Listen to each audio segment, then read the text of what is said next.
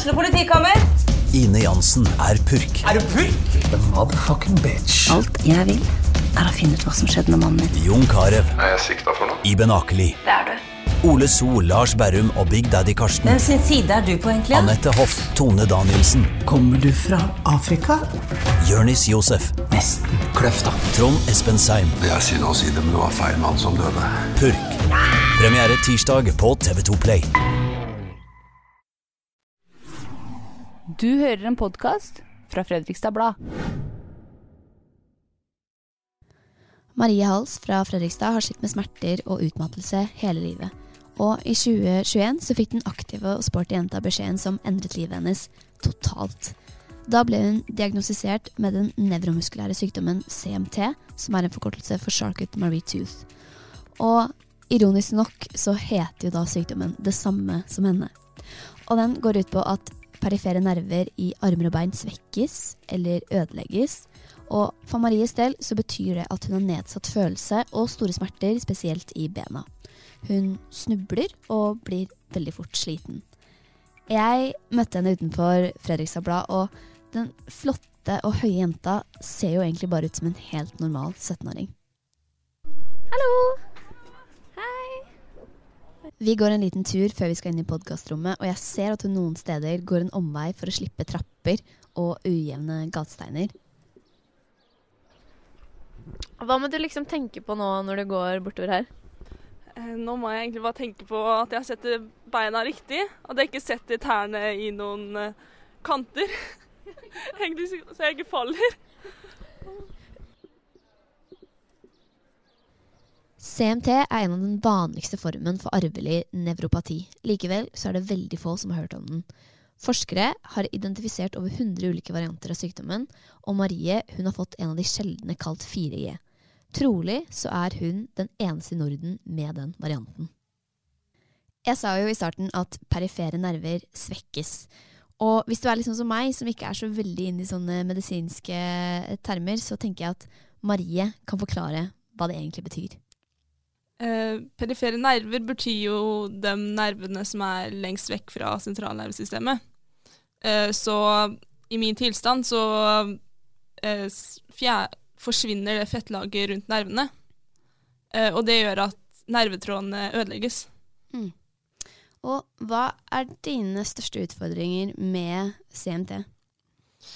Min største utfordring med CMT er vel at jeg alltid går rundt og har vondt. Eh, mye vondt og eh, eh, sliter med å gjøre hverdagslige ting som å gå, da, for eksempel. Mm. Som er litt sånn Det er jo viktig for å komme seg rundt. Absolutt. Men, men sånn, går du frem og tilbake til skolen, blir du sliten av det?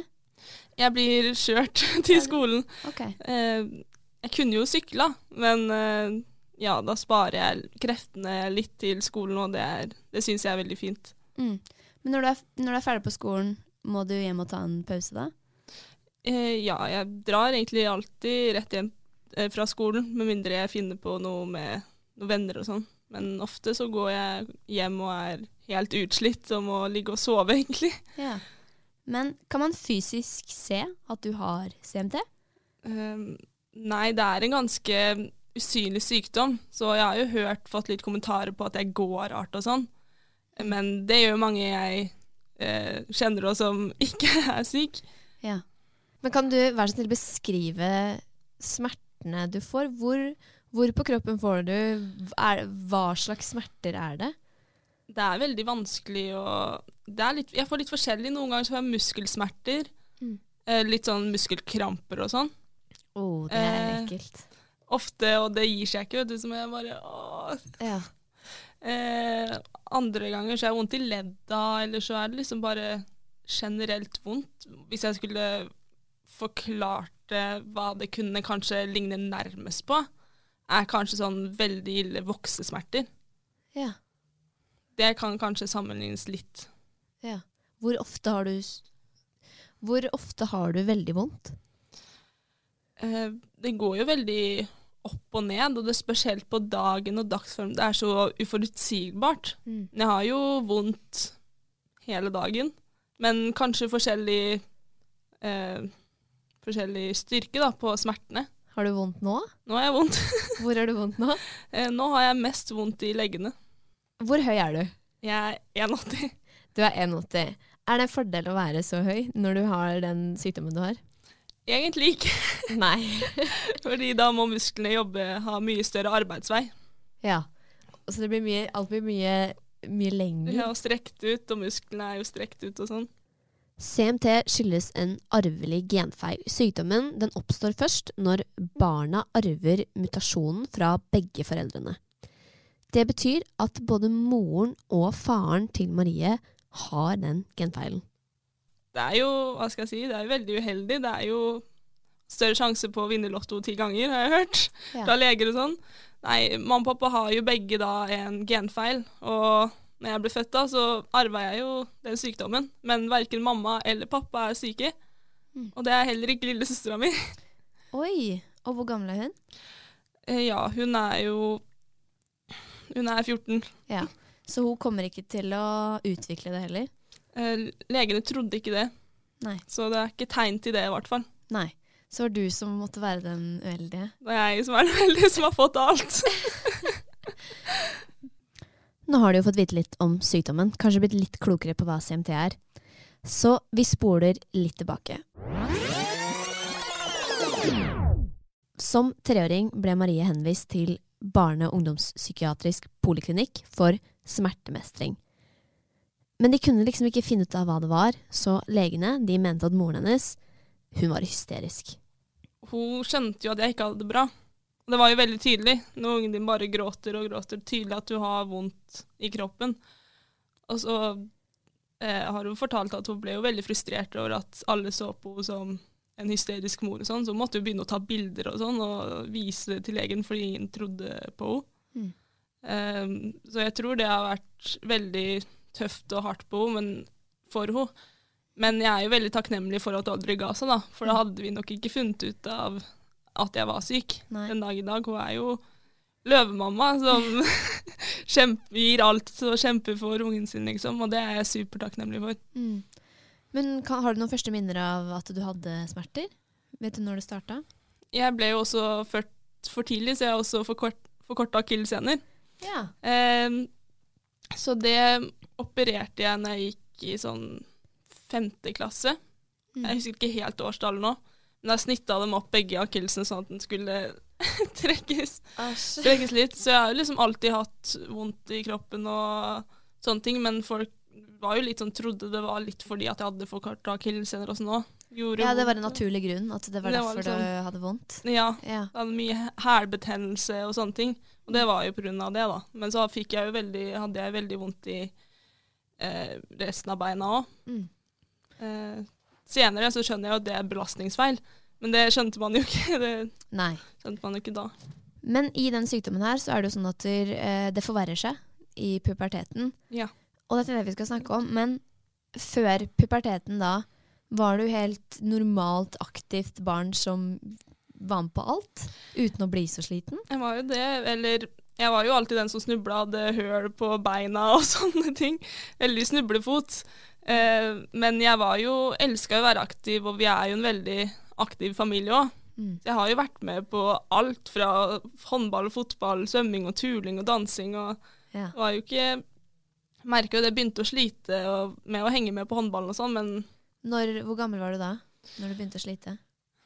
det var vel eh, Hva skal jeg si Det var vel sånn eh,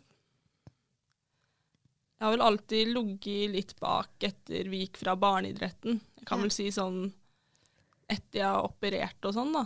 Ja. Kanskje merka jeg det mest, for da begynte jo alle å og ungdomsskolen og sånn, når folk begynte å bygge litt muskler og bli raskere og sånn, for jeg ble jo ikke raskere. Hva tenkte du da? Sånn, sånn, hvorfor gidder ikke kroppen være med?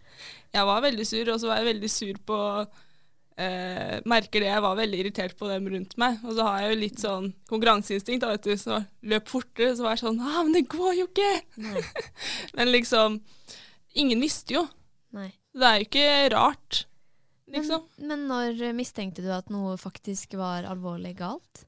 Eh, det var jo Vi har jo alltid skjønt at det har vært noe galt, og mamma har jo sagt jo at det er et eller annet, men det var liksom Vi fant ikke ut av noe. Det var ingen som kunne fortelle oss hva det var. Det var bare å trene og tøye, så ble jeg frisk. Så du trente og tøya? Trene og tøya hver dag. Ja. Mm. Hver dag. Trente og tøya. Oi. Eh, og så, men det var jo det etter eh, utover i puberteten og mot slutten av puberteten og sånn, så plutselig så ble det en eh, stor forverring. og Jeg fikk mye mer vondt, og begynte sykdommen forverra seg, da. Mm. Eh, og da var vi sånn, nei, nå må vi finne det ut. Da dro vi til ortoped, og han henviste oss videre til nevrolog, og hun titta på meg, så skjønte hun hva det var. Så Marie skjønte jo at det var noe alvorlig galt ganske tidlig. Men når hun for ett år siden fikk beskjed om at hun hadde en nervesykdom, da ble hun likevel ganske sjokkert. Fordi det Hva skal jeg si, det var jo så sjelden, så var det litt sånn Det var ikke noe jeg hadde, kunne trodd at jeg hadde hatt. Jeg hadde ikke hørt om den sykdommen jeg heller selv. Og jeg var jo litt sånn, håpa jo fortsatt at jeg bare kunne tøye og trene og bli frisk. Ja. Men sånn ble det jo ikke, da. Nei.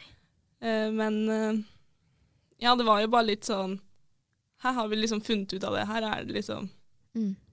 Men hva slags prøver sånn ble tatt for å påvise det? eh, Tok eh, genprøver og sånn.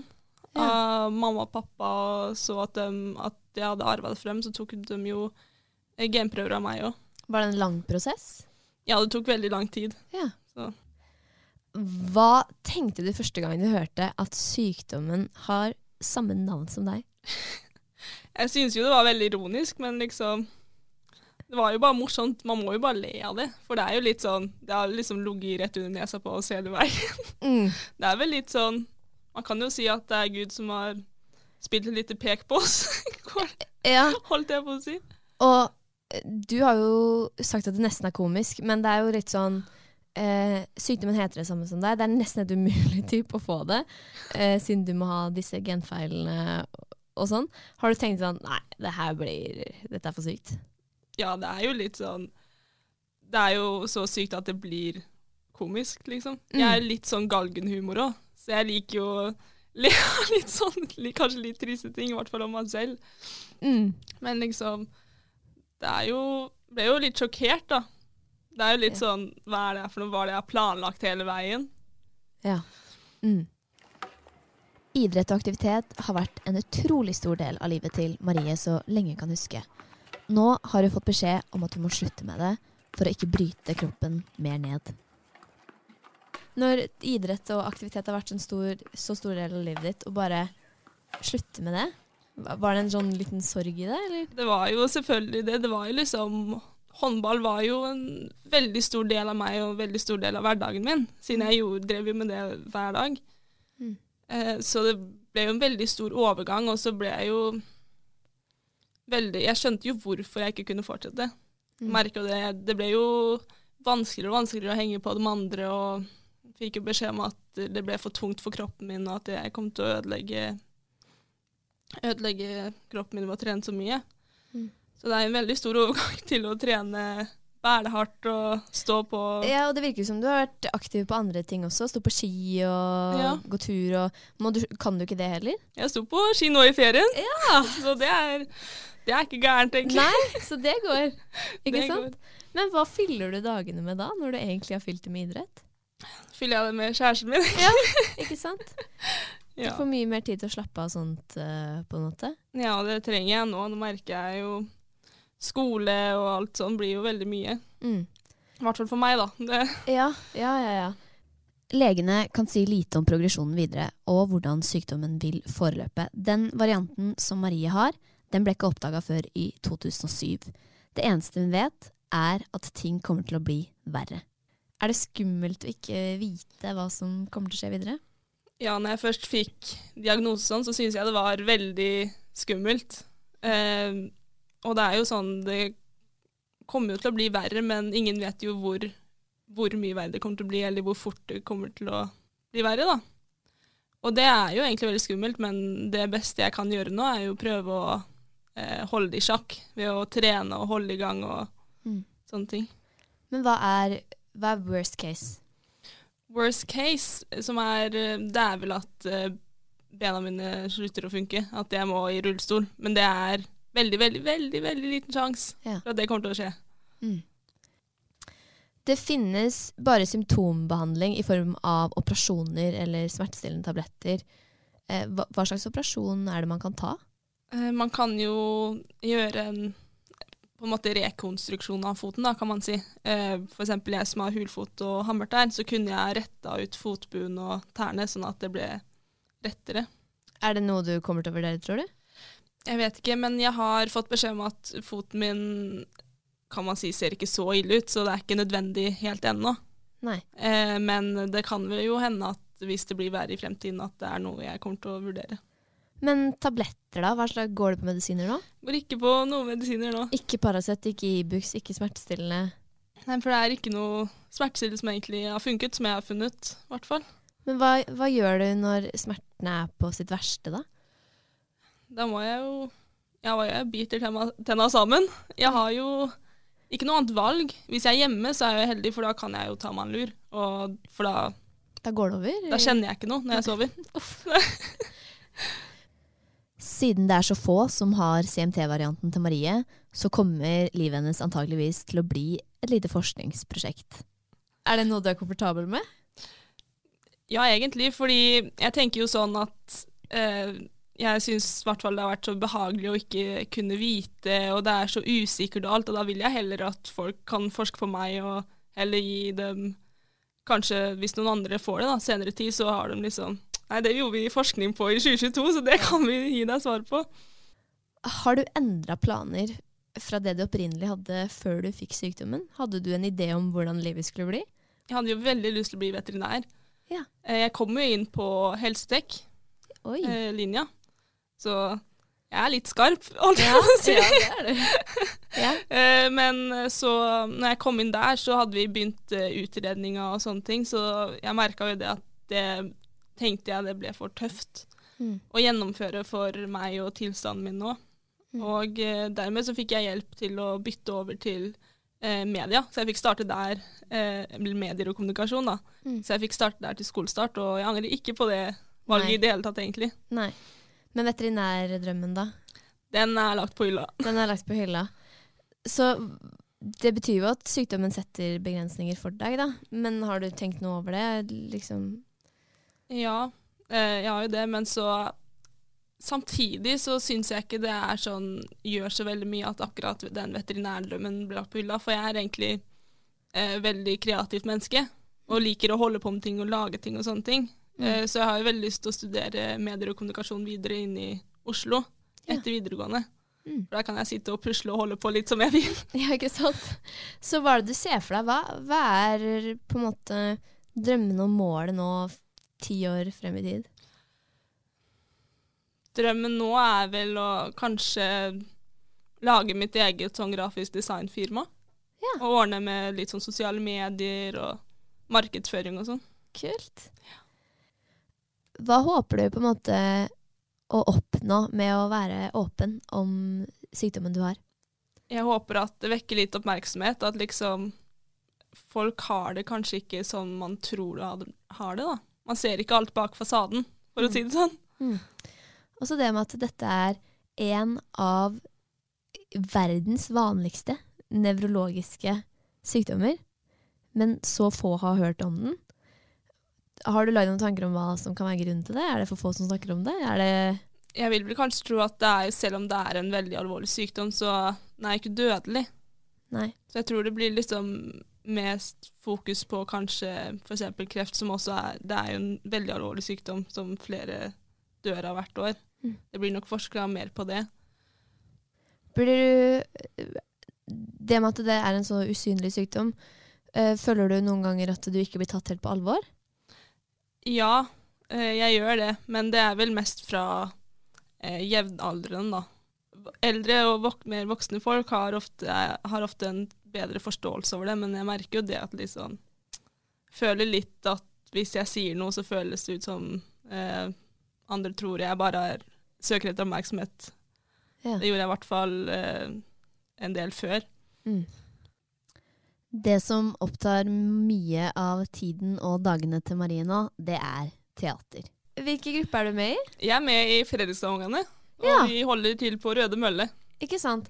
Men hvordan i alle dager klarer du å holde det tempoet der, da? Nei, det er det. Det er jo stress, og jeg er dødsliten og vondt i hele kroppen etterpå, men Det er jo så gøy. Men er du på alle øvelser, alle forestillinger? Alle øvelser, alle forestillinger. Eh, Du er med på alle dansenummer? ja, alle jeg får tildelt, er jeg med på.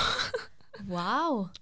Men, hvorfor, men hva er det med teater som gjør at du har lyst til å pine deg gjennom enkelte ganger? da? Jeg kan tenke meg at det gir deg jo mye, men likevel. Det er vel bare det samholdet i gruppa, og det er så veldig mange fine folk der, da, at det gjør jo også opplevelsen verdt det. Det er Mm. gøy. Man er et lag, da, Mm. og som spiller sammen og Så egentlig Gøy. du har bare bytta bane? Du har gått fra ja. håndballen Eller hvor lenge har du holdt på med teater? Jeg har vel holdt på med teater i sånn seks år. Ok, Så det har på en måte vært med hele veien der? Ja, nesten. Det var vel mest håndball.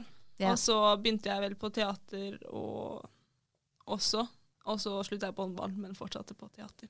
Men jeg tenker jo sånn, rett før en premiere så er det jo utrolig mye man skal holde styr på. Eh, jeg tenker på alle prøvene, generalprøver. Eh, du skal kunne manus utenat. Oppå det så skal du jobbe med skole, og du skal være på skole hele dagen. Eh, det må jo være helt sjukt intenst. Det er spesielt i spilleperioden det er sykt intenst. Ja. Da er det jo forestillinger Og dobbel eh, forestilling og sånn i helger og Det er jo helt Ja. utrolig. Ja, jeg har jo en nettvenn eh, som bor eh, inne ved Oslo-området, som også har CMT. Og sa jo det, jeg skjønner ikke at du klarer det. Nei. Men du kommer til å fortsette? Jeg kommer til å fortsette. Jeg skal fortsette helt, så lenge jeg kan, i hvert fall. Det er så gøy. Veldig bra.